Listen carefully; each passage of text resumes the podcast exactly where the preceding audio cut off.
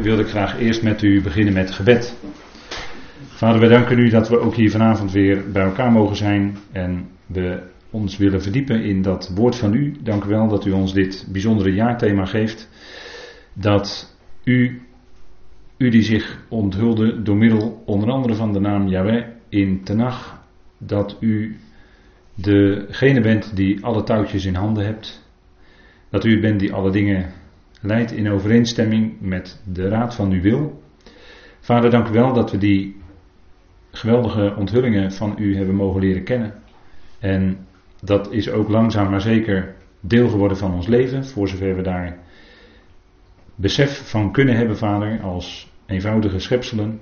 Maar dank u wel dat u ons oren heeft gegeven om te horen, ogen om te zien, Vader, en dat zelfs in dubbel opzicht, ook in geestelijk opzicht. Dank u wel dat we uw geest hebben mogen ontvangen en dat die geest van u in ons woont, in ons werkt. Dank u wel dat u daardoor ons laat zien, door middel van het woord, wie u bent. En dat is geweldig, Vader. Dat ontdekken we steeds meer. We kunnen nooit uw grootheid doorgronden, maar we kunnen er iets van proeven. En dank u wel dat we ook daar vanavond mee bezig willen zijn, om iets van uw heerlijkheid te zien. Vader, geef daarin wijsheid in het spreken, geeft u de mogelijkheid om het te kunnen overdragen, het vermogen. En we bidden u ook dat we het met ons hart mogen verstaan, Heer, wat u te zeggen heeft. Vader, dank u wel dat we daarin helemaal van u afhankelijk zijn. Dank u wel dat u het ook geeft en steeds opnieuw geeft in uw liefde. Dank u wel, Vader, dat we in uw liefde geborgen zijn en dat uw armen en uw handen rondom ons leven zijn. En allen die ons lief zijn, we danken u dat we zo dit moment van u mogen ontvangen. Vader, mag het zijn tot opbouw van de gemeente. En bovenal mag het zijn tot lof en eer van uw naam. We danken u daarvoor in de machtige naam van uw geliefde zoon. Amen. Goed, wij uh, lezen met elkaar in ons boekje en we waren gebleven op uh, bladzijde 12. En we hebben de laatste keer stilgestaan bij deze dingen. God die geest is. God is geest, hè? dat is een uh, letterlijke waarheid. Er staat geen. Hebben we gezien, Johannes 4, vers 24, er staat geen werkwoord in het Grieks, geen werkwoord zijn. Dat betekent dat het een letterlijke waarheid is. En daarom hebben we in ons boekje ook twee keer het woordje als doorgestrekt op deze pagina. Er stond vader is als geest, maar dat woordje als moet u doorstrepen, want vader is geest, hè? dat is letterlijke waarheid. En hij drukt zich uit onder andere in de zoon en ook in de naam. He, dit is uh, waar ons jaarthema van spreekt. In ons jaarthema van dit jaar, Jezaja 45 vers 5, staat deze naam. En dit is de naam van God. De naam Yahweh. En daar is al heel veel over geschreven hoe je die naam moet uitspreken. En met. Ik heb u de vorige keer al genoemd. Uh, dat interpunctiesysteem dat op een gegeven moment is ingevoegd of toegevoegd aan de Hebreeuwse tekst. Maar oorspronkelijk was deze tekst zonder puntjes en streepjes en vierkantjes en haakjes en weet ik wat allemaal. Um, en zo staat dit ook in de oorspronkelijke tekst. Hè? Um, dit is de vierletterige naam van Yahweh. We zijn ook toe op bladzijde 12 aan het stukje waar boven staat Yahweh. En als u even uh, iets hoger, hoger, kijkt op bladzijde 12, dan ziet u ook staan in dat schemaatje Yahweh. Dat is hij die is, die was en die komt. En om dat uh, duidelijk te maken, kunnen we zeggen: dit is de naam, de tijdnaam van. Hij is degene die zich onthult in zijn naam in de tijd. Het is de God die was, die is en die komt. Zo wordt zijn naam uh, volledig ook uitgeschreven. Dat hebben we al gezien met elkaar in het boek Openbaring. Dat zal u niet onbekend zijn, denk ik. Dat weet u wel. En die naam die wordt dan ook, uh, of die betiteling, hij die is, die was en die komt, die wordt in het boek Openbaring dan ook toegepast op de Heer Jezus Christus zelf. Hè? Hij wordt in het boek Openbaring onthuld. Het is niet de onthulling van Johannes, maar van Jezus Christus. Hij wordt onthuld in dat boek. En hij blijkt te zijn degene die wist, die is, die was en die komt. En als hij gekomen is, openbaring 11, dan wordt dat komen niet meer geschreven. Dan wordt er gezegd, hij die was en die is. Want dan is hij al gekomen. En het is niet meer nodig om te zeggen dat hij komt. Dit noemt men ook wel het tetragrammaton. Dat is een moeilijk woord voor vier letters. of een vier letterwoord. De naam Yahweh wordt vertaald met, uh, ja, in allerlei vertalingen wordt op alle, allerlei mogelijke manieren vertaald. Hè. Ik ben die ik ben, ik zal zijn die ik zijn zal. En als we het wat letterlijker weergeven, dan is het zal zijn, en moet ik eigenlijk nog zeggen, zijn de. In de zin van, uh, maar ook in de zin van worden, dat zit daar dan ook in, en was.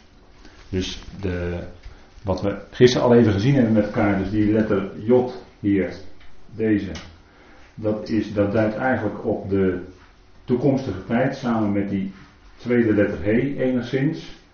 En dan dit middengedeelte, deze twee letters, de He en de Waf, die duiden dan op het zijn.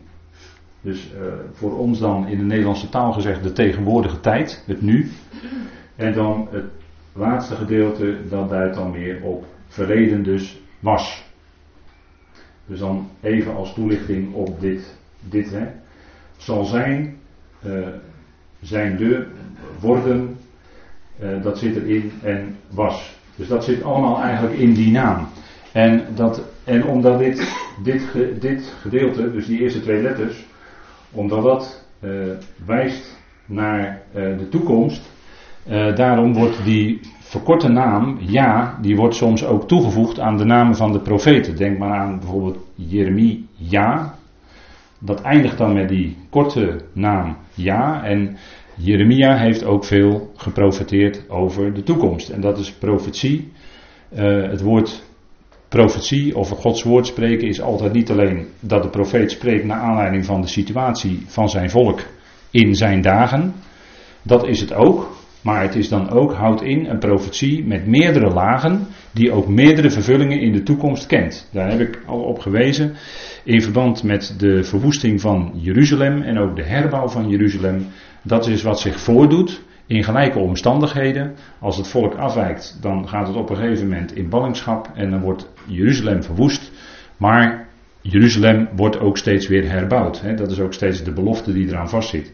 En dat is ook wat gebeurde. En dat is. Uh, dat, dat zit in verband met ons jaarthema in het stukje van Jezaja 45 met koning Kores. Want die zou op een gegeven moment de belofte geven of het woord geven dat zij weer terug mochten keren uit de ballingschap in Babel. En dat zij Jeruzalem en de tempel weer mochten gaan herbouwen.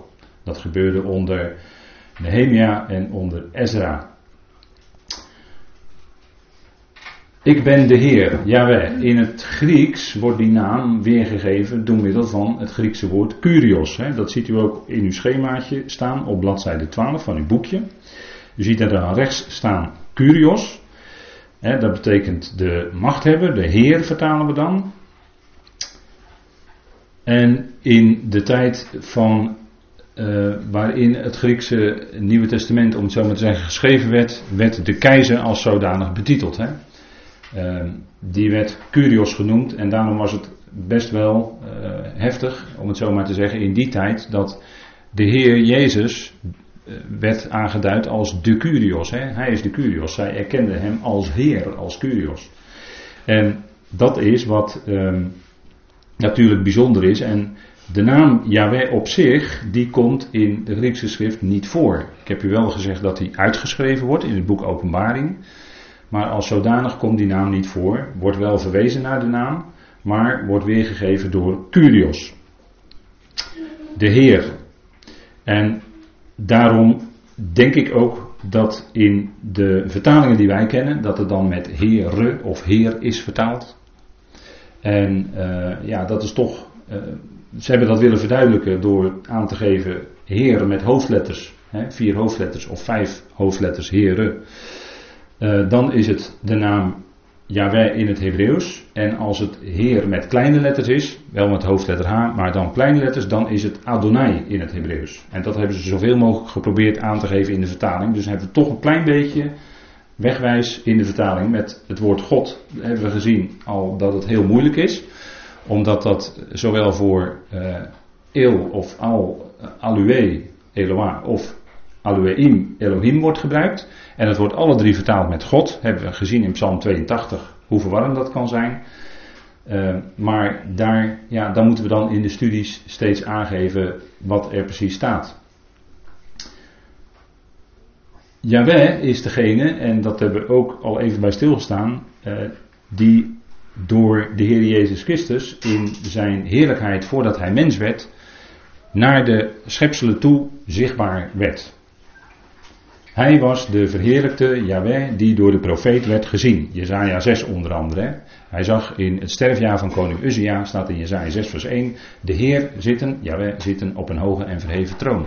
Nou dat is dan de Heer Jezus in zijn heerlijkheidsgestalte, in de vorm van God. en in de vorm van God was hij, Filippenzen 2 vers 6. Dat is de uitdrukking, daar staat het woord, laat het even met elkaar opzoeken. Filippenzen 2, vers 6. Hij was in de vorm van God. En in de komende seizoen, als we in september weer gaan doorgaan met de Filippenzen Bijbelstudie, dan zijn we toe aan Filippenzen 2. En dan zal dit gedeelte dan ook uitgebreid aan de orde komen. Omdat het een punt is wat altijd al moeilijk is geweest. In de uitleg, om het zo maar te zeggen. In de uitleg is het altijd een moeilijk punt geweest. Maar er staat, daar schrijft Paulus in Filippenzen 2 vers 5, ik lees u voor uit de concordante vertaling. Laat immers deze gezindheid in jullie zijn, die ook in Christus Jezus is.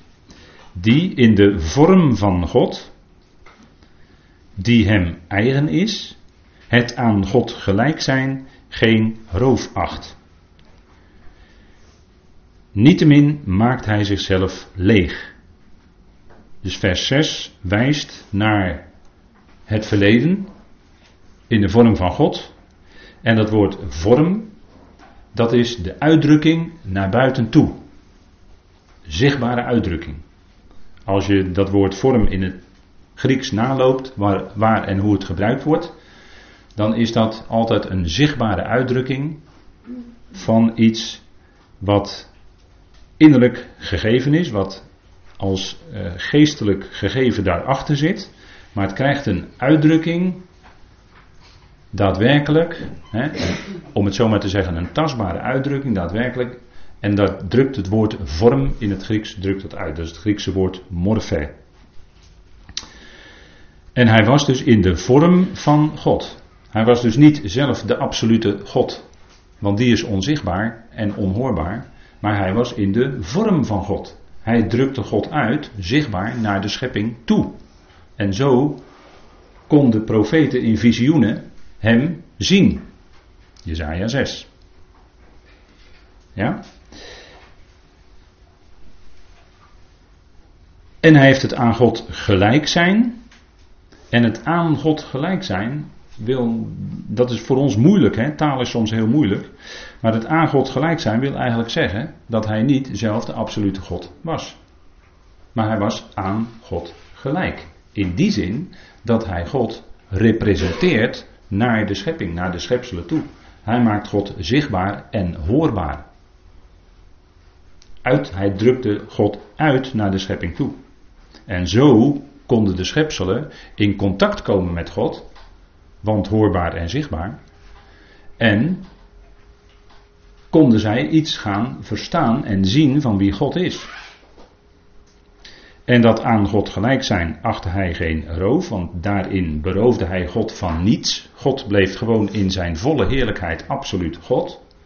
Alleen hij was ingezet door God om hem zichtbaar te maken en hoorbaar te maken naar de schepselen toe.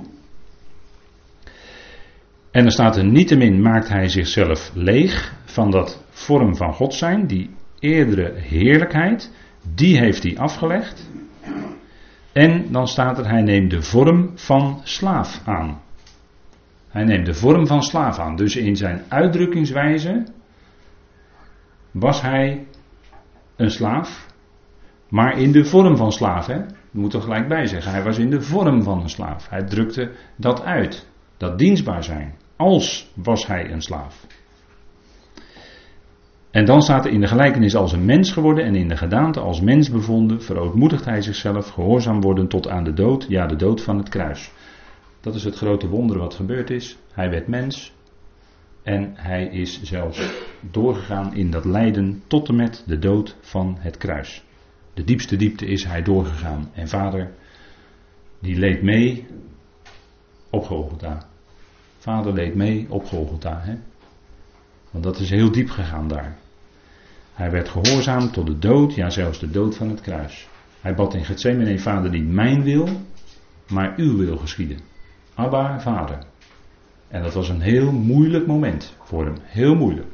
Maar vader, uiteindelijk schikte hij zich en zei die vader, niet mijn wil, maar uw wil geschieden. Wat het dan ook maar mocht betekenen. En het betekende voor hem de dood van het kruis. En hij geloofde dat vader hem ook weer zou opwekken, dat vader hem zou verlossen uit die dood. En dat heeft vader ook gedaan. Vader heeft hem opgewekt. En hij is opgestaan. En hij is nu de levende Heer aan de rechterhand van God. En daarom hebben wij nu ook leven. Nieuw leven. Echt, waarachtig. Leven. En dat is uh, wat Pasen betekent hè, voor ons. En dat is natuurlijk fantastisch, want na die vernedering, maar het gaat niet zonder die vernedering, het gaat niet zonder dat lijden. Maar daarna komt ook die heerlijkheid, hè, dat zit in de schrift aan elkaar gekoppeld. Lijden, maar daarna komt ook heerlijkheid. Hè. Het is een weg van diepte waar ook wij in ons leven doorheen gaan. Lijden, verdrukkingen, moeiten, maar daarna is ook gegarandeerd daar die heerlijkheid. En dat lijden, zegt Paulus, weegt niet op tegen de heerlijkheid die geopenbaard zal worden. We mogen het zien als, als mensen, als gelovigen, in dat perspectief. En dat perspectief zouden we altijd voor ogen houden. En dat vergeten we wel eens, het verliezen we wel eens uit het oog in de heftigheid van het lijden waarin we zitten en de verdrukkingen. En dat is heel menselijk.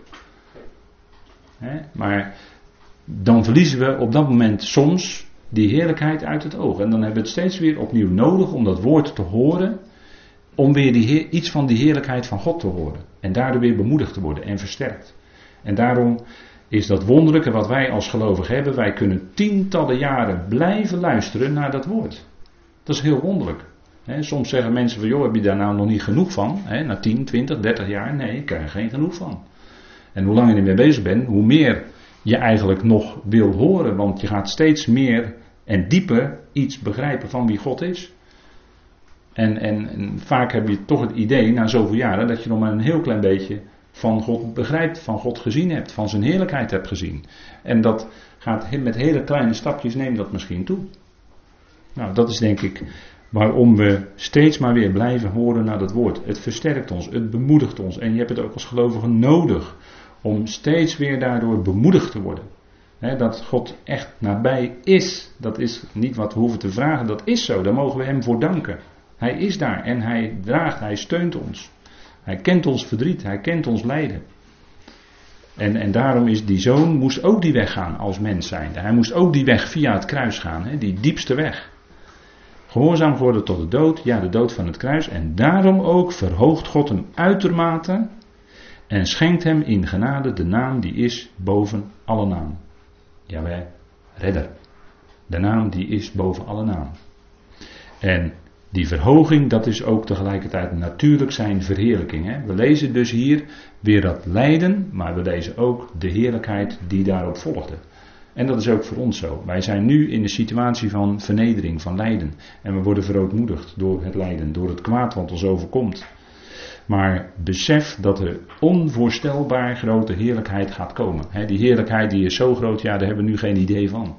Maar als we daarin zullen zijn, in die heerlijkheid, dan zullen we zeggen, ja, niet de helft was ons nog niet aangezegd, maar dan zullen we misschien zeggen, eh, een honderdste was ons nog niet aangezegd. Zo groot zal die heerlijkheid zijn, daar ben ik van overtuigd. Ik weet het ook niet precies, maar ik ben ervan overtuigd dat het zo is. Ik lees het in de schrift dat die heerlijkheid zo enorm groot is dat het al het lijden wat we hier meemaken ver zal overvleugelen. Dat kunnen we niet bevatten. En dat bedoel ik ook helemaal niet makkelijk te zeggen, want het is vaak helemaal niet makkelijk. Maar het is, het is wel wat de schrift aangeeft. Het, wonderlijke wat Paulus zegt is de lichte last van de verdrukking van een ogenblik. Daar heeft Paulus het over. Nou, Paulus heeft geleden hoor. verschillende keren schipbreuk geleden. Een aantal keren de 40 min één stokslagen gehad. Nou, u, u, kent het zelf ook. Hè? U leest het zelf ook enorm veel lijden om het evangelie. En toch zegt hij, spreekt hij over de lichte last van de verdrukking voor een ogenblik. Want hij had die heerlijkheid gezien. Hij had Jezus ontmoet op weg naar Damascus. In heerlijkheid. En heerlijkheid, dat heeft te maken met licht. Heerlijkheid is, is, is zonder meer licht. En, en niet alleen, eh, natuurlijk niet alleen eh, stoffelijk zoals wij licht ervaren, licht uit, licht aan. Nee, ook geestelijk natuurlijk, hè, vooral dat. Maar het is niet alleen licht, maar het is dan ook tegelijkertijd waarheid. Want met waarheid komt ook licht. Als je de waarheid kent, de waarheid zal je vrijmaken. Dan valt ineens het licht erop hoe het zit. En dat werkt bevrijdend. als je vanuit Gods woord hoort hoe het zit, dan is dat geweldig bevrijdend. Die waarheid over God leren kennen. En God wil dat alle mensen tot erkenning van die waarheid komen. En dat zal ook gaan gebeuren. En met waarheid komt ook licht. Hè? En dat is die, die lichtglans van die heerlijkheid van God. Die soms al een beetje in je hart doorbreekt als je het evangelie hoort. En dan ben je bemoedigd. Dan ben je weer versterkt. Dan kun je weer verder. En daarom wil je dan ook weer meer horen over die heerlijkheid. Hè? Nou, daar zijn we dan deze week ook mee bezig. En die heerlijkheid die zit natuurlijk ook in hoe God zich onthult hè, in die naam. want dat betekent dat God in de tijd dus alle touwtjes in handen heeft.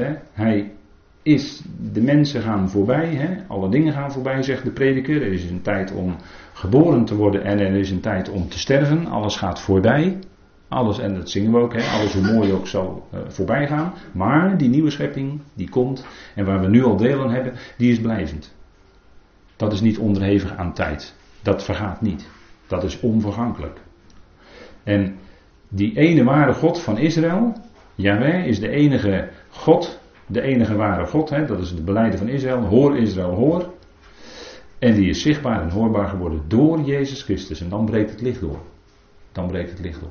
Hij is het licht. Dan kon hij van zichzelf ook zeggen: Ik ben het licht van de wereld. Dat zei hij ook meerdere keren in Johannes, hè, staat dat. Ik ben het licht van de wereld. Hij is degene die Gods woord liet zien aan de mensen. En Yahweh is dan Curios, hij die is, die was en die komt. En dat is ook voor ons het uitzicht. Hij is voor ons ook degene die komt, de Heer Jezus komt met de bazuin, Thessalonicense, de grote belofte. En hij komt voor ons zelfs nog ietsje eerder dan voor Israël. We hebben zelfs een eerdere verwachting, schrijft Paulus in Efeze 1, dan Israël. En dat is het moment van die bazuin. Yahweh, IEW, als je die letters letterlijk uitspreekt, hè, broeder nog heeft ze overgezet in Latijnse letters, hè, de J is dan de I. U ziet twee keer een he, hè, dat, is de, dat is de letter met het venster, hè, dan heb je uitzicht. De letter met het venster, dat is de letter he. Deze, die heeft hier een venster, dat is de open letter. Hè, die, als die aan het einde van een woord staat, dat betekent dat daar ook een opening zit. En de gedachte is dan daarbij een opening naar de toekomst. Het is een letter met een venster. En die he, die is dan overgezet in de letter E. En de letter waf, dat is deze. Dat is de zogenaamde haak. Dat is de zesde. Dat is de U. Dus I-E-U-E. Als je die letters uit het Hebreeuws letterlijk overzet in Latijnse letters. En als je dat zou willen uitspreken, zou je kunnen zeggen IEUW. Maar goed, wij weten niet, dat is het, misschien wel het grote geheimenis, hoe die naam echt uitgesproken moet worden. Maar in ieder geval weten we wel dat hij de eerste en de laatste is. Hè? Zo wordt hij in de schrift ook aangegeven. We gaan even lezen met elkaar op bladzijde 12. Onderaan, onder het kopje Yahweh. Yahweh in de Septuaginta, dat is de Griekse vertaling van Tenach, van het Oude Testament, wat we dan meestal zeggen, maar Griekse vertaling van Tenach, vrijwel overal met Curios vertaald en als zodanig ook in onze Griekse schrift te vinden, is feitelijk de naam van hem die zich voor zijn vleeswording nog in de vorm van God liet zien. Zoals hiervoor reeds aangehaald, de Vader is geest. En niemand dan alleen de Zoon heeft hem gezien. Nou, die tekst hebben we met elkaar gelezen, hè? Johannes 6, vers 46. Dat is heel wonderlijk wat de Heer Jezus van zichzelf zegt: dat hij de Vader heeft gezien. Dat is heel wonderlijk. Er wordt, uh, hè, wordt echt het woord zien gebruikt. Uh, zien van iets. Hè, dat je daadwerkelijk hè, in, in dagelijks omgang zeggen we dan, je ziet, je ziet daadwerkelijk dan een object, om het zo maar te zeggen. Nou, de Heer, en dan zet ik het even over in geestelijke zin, de Heer Jezus zegt in Johannes 6, vers 46 dat hij de Vader heeft gezien. En dat is aan ons, aan ons als schepselen verder niet voorbehouden. Wij zijn mensen en Johannes zegt ook in het eerste hoofdstuk: niemand heeft ooit God gezien. Staat in Johannes 1. Maar de Heer zegt dat hij de Vader heeft gezien. En daar kunnen we over nadenken. Ik weet niet precies hoe ik, hoe ik dat verder moet toelichten of omschrijven, of ik weet het niet. Hij zegt het en zo is het. Dan is het zo. Maar uh, daar kunnen we over nadenken. Denkt u er maar eens over na, hoe, dat dan, wat dat dan is. Maar ik vind het heel, heel wonderlijke uitspraak. De Vader is verder voor ons niet waarneembaar, maar wel zichtbaar, tastbaar, hoorbaar door de Heer Jezus. Hè? Ze vroegen het aan hem, Heer toon ons de Vader. En hij zegt dan tegen de discipel, ben je al zo lang bij me en heb je dan de Vader nog niet gezien? Wie mij gezien heeft, heeft de Vader gezien. In de Zoon wordt de Vader zichtbaar. Dat zei hij, hè? dat bedoelde hij te zeggen. En dat is wat, uh, wat ze dan wel konden waarnemen. Hij liet zich echter door de eerste die hij verwekte, hè, de eerstgeborene, die wij later als Jezus Christus zouden leren kennen, zien en horen. Wanneer in de Hebreeuwse schrift staat dat God spreekt en wandelt met Adam, Abraham, Mozes en nog vele anderen, is het onze Curios, onze Heer Jezus, in zijn vorm van God. En dan, is, en dan wordt hij ook vaak aangeduid met de naam Yahweh. En dat vinden wij ook, en dan staan er op de dia even wat tekst aangehaald, dat kunnen we ook even met elkaar lezen. Want daar zit dan in dat uh, tijdaspect, om het zo maar te zeggen. Hij is de eerste en de laatste. Laten we het even met elkaar lezen in Jesaja 41. Hij is de eerste en de laatste. Jezaja 41 vers 4.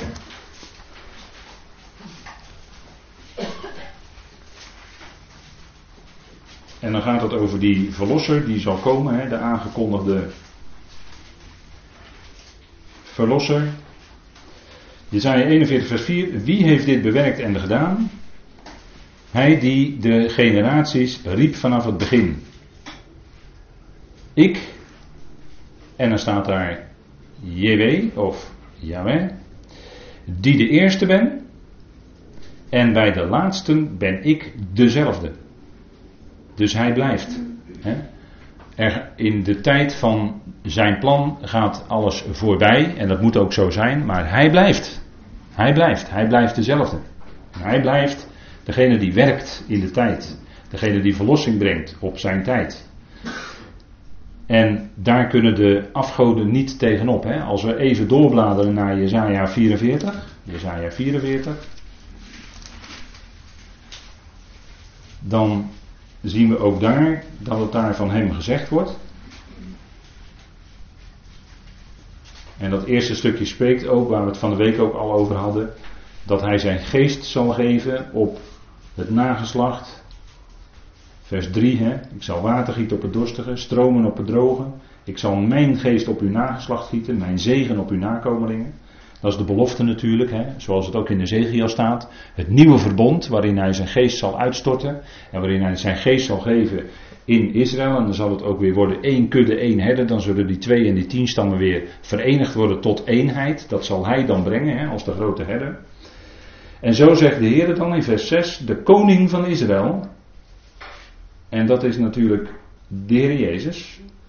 Zo zegt Yahweh, de koning van Israël, zijn verlosser, de Heer van de legermachten, dat is JW Zebaot, die komt, zo wordt hij ook beschreven in Zacharia, als hij uittrekt als JW Zebaot om de vijanden van Israël te verslaan, dan zullen zijn voeten ook staan op de olijfberg. Dat is de Heer Jezus Christus. Hij is de verlosser, hij is de Heer van de legermachten. En dan wordt er van hem gezegd: Ik ben de eerste en ik ben de laatste. En buiten mij is er geen God, geen onderschikker. Hij is de enige ware onderschikker die alles aan zich onderwerpt. En dat zal dan in dat koninkrijk ook blijken. Dat Israël weer aan de spits van de volkeren zal staan. En dat zij koninklijk priesterschap zullen zijn. Dat zij die volkeren zullen richten. En dat zelfs doen met een ijzeren roede. Dat beeld wordt gebruikt hè, om die shalom. Hè, hij zal dan zelf ook die shalom, het welzijn van Israël bewaken. Als hun herder. En Israël zal dan het herdervolk zijn wat de andere volkeren zal leiden in die duizend jaar. En ook daarna zullen zij koningen zijn, niet langer priesters, maar wel koningen. Op de nieuwe aarde zullen zij ook nog regeren als koningen over de volkeren. Totdat dat regeren zijn voltooiing heeft bereikt. En ook die periode, die periode die wordt afgesloten. Dat wil niet zeggen dat de nieuwe schepping eindigt, want die eindigt niet. Maar die, die periode van de regering wordt afgesloten als die regering tot volkomenheid is gekomen. Als de tweede dood is opgeheven dan zal God worden ook alles in allen. Daar zal het uiteindelijk toe leiden. En dat is de belangrijke functie van Israël als leidend volk. Leidend eerst met de lange ei, dat is nu nog zo.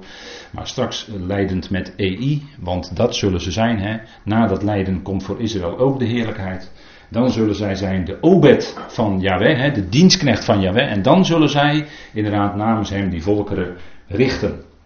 En hij is de eerste en de laatste. Hij stond aan het begin. Hè? Hij is het eerste begin. Heb ik even op deze dia willen aangeven. Hij is het eerste begin en hij is het uiterste einde. Hij omvat de eonische tijden. Hij is degene die het werk van God uitvoert in Gods plan van eon. Hij legt alles ten uitvoer. Als de grote uitvoerder van wat God hem had opgedragen.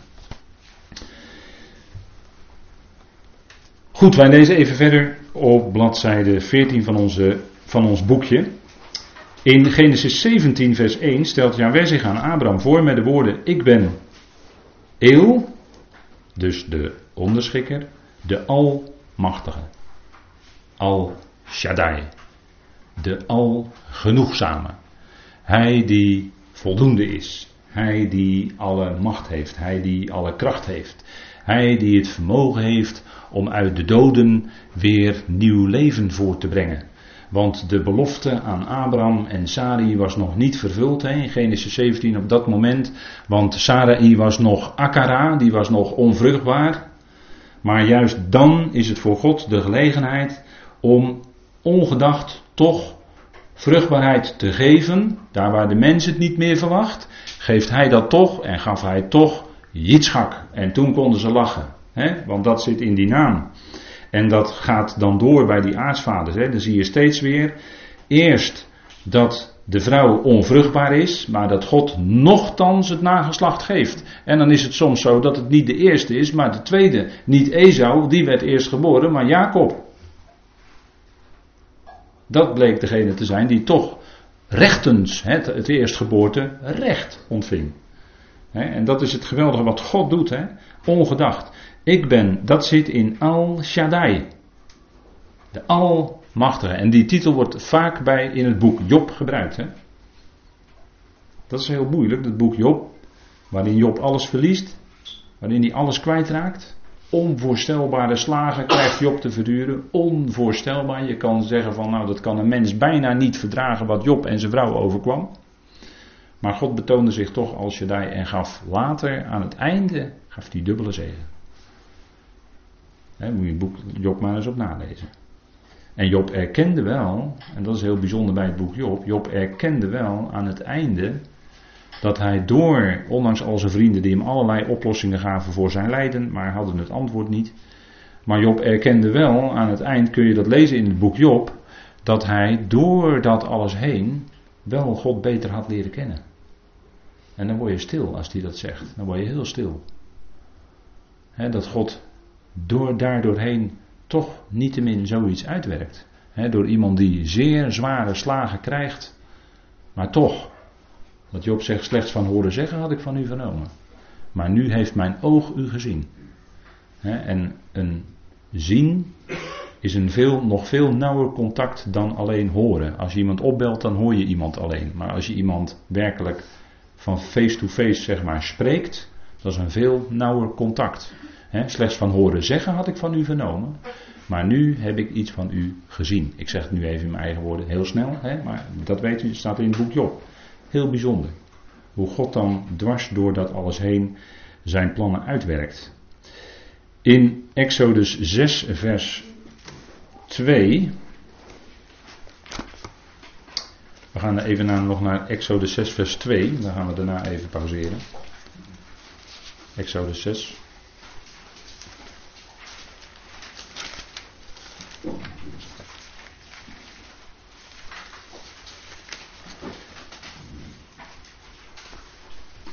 En dat is dat bijzondere gebeuren als uh, Mozes naar de farao toe moet gaan met die hele geschiedenis die dan gaat komen natuurlijk. Hè. En, uh, toch nog, ook nog wel moeilijke geschiedenis hoor.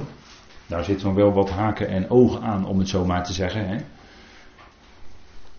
Daar zit nog wel wat haken en ogen aan. Maar goed, daar, daar, dat voert nu te ver. Maar het gaat even om vers 2. Toen sprak God tot Mozes en zei tegen hem: Ik ben de Heer, ik ben Yahweh. Dus het gaat om die naam. Hè.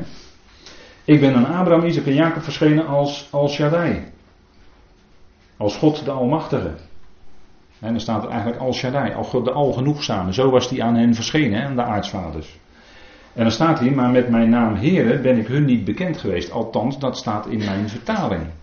Maar staat dat er ook en is dat ook de betekenis? En kan dat eigenlijk wel volgehouden worden? Want Abraham heeft de Heer wel degelijk aangeroepen bij naam. Gaat u zijn geschiedenis maar na. Dus Abraham kende wel degelijk die naam. En was wel degelijk bekend. En waarom? Dan zit daar toch een nuance in. Onder mijn naam Heer ben ik hun niet bekend geweest. Ehm, dan geeft de concordante vertaling toch heel fijntjes aan. Ben ik niet onder mijn naam Heer of Jaweh, ben ik door hen niet ten volle erkend. Zij hadden zijn naam wel gehoord, zij kenden zijn naam wel. Maar de volle betekenis van wat die naam inhoudt, dat hadden die aartsvaders nog niet kunnen zien. Zij hadden ook nog niet de vervulling van alle beloften gezien. Ze, hadden, ze waren vreemdelingen en bijwoners, hè? dat zegt de Hebreeënbrief. Ze hadden nog niet de vervulling van de beloften gezien. Abraham had wel gezien, weliswaar, de stad die fundamenten heeft. Maar verder was hij zijn hele leven vreemdeling en bijwoner en vertoefde hij in tenten als teken dat hij hier geen tijdelijk verblijf had. Maar hij verwachtte een toekomstige en die heeft hij bij zijn leven niet gezien, nog meegemaakt. En misschien is het wel daarom dat dit hier staat, dat die volle betekenis van de naam, die, die naam die op zich wel bekend was bij de aartsvaders, maar die volle betekenis van de naam Yahweh, dat hij een belofte had gegeven. Dat hij tot zegen zou zijn en dat hij dat land zou beërven. En dat hij tot zegen zou zijn voor alle geslachten. Dat had hij in zijn leven niet gezien. En dat is de volle betekenis van de naam. Hè? Dan wordt die volle betekenis van de naam, die wordt ook vervuld. Hè? En, en dat noemt men ook wel, hè, dat als, als bijvoorbeeld het volk Israël straks één wordt, als het weer wordt één kudde, één herder, dus die twaalf stammen verenigd tot één, dat is tegelijkertijd ook de eenwording van de naam van God. Hè? Zo wordt dat genoemd. De heiliging van de naam is ook de eenwording. En heiliging heeft ook alles te maken met eenwording. Hè?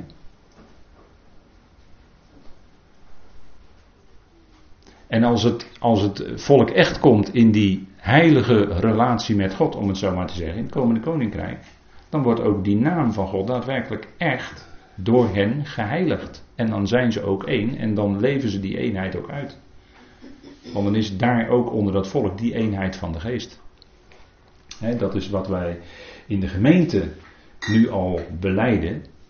Wij hebben die geest ontvangen en daarom zijn wij één. wij zijn niet één omdat we dat zelf kunnen maken. Nee, wij zijn al één omdat we diezelfde geest hebben ontvangen. En die eenheid van de geest, zegt Paulus, die zouden wij bewaren. Die hoeven wij niet te maken, maar die zouden wij bewaren. We zijn één van geest met elke waarachtige gelovige in de Heer Jezus Christus. Ongeacht wat hij wel of niet gelooft. Ongeacht hoe ver iemand nog vastzit in tradities of wat dan ook. Maar als iemand echt een gelovige is, dan hebben we daarmee die eenheid, eenheid van de geest. Als iemand die geest heeft ontvangen, dan zijn we daar per definitie één mee. En zouden wij die eenheid dan ook bewaren bewaren, en dat is ook tegelijkertijd bewaken, met de band van de vrede. Het is vrede, verzoening. En als wij die boodschap van verzoening hebben, dan kunnen we dat uiten in onze wandel door die vrede ook naar die ander toe echt uit te leven. En waar mogelijk is, gewoon dat, dat open contact hebben met die ander, met die andere gelovigen. zonder veroordeling. Dat is moeilijk hoor, dat is moeilijk. Als de opvattingen soms uiteenlopen en soms heel ver uiteenlopen onder gelovigen. En dat gebeurt. En dan is het nogthans zo dat we die eenheid van de geest, die is er. En die zouden wij bewaren met de band van de vrede. Dat is wat voor onze dagelijkse wandel wordt aangegeven door Paulus. Goed, met deze gedachte gaan we even pauzeren.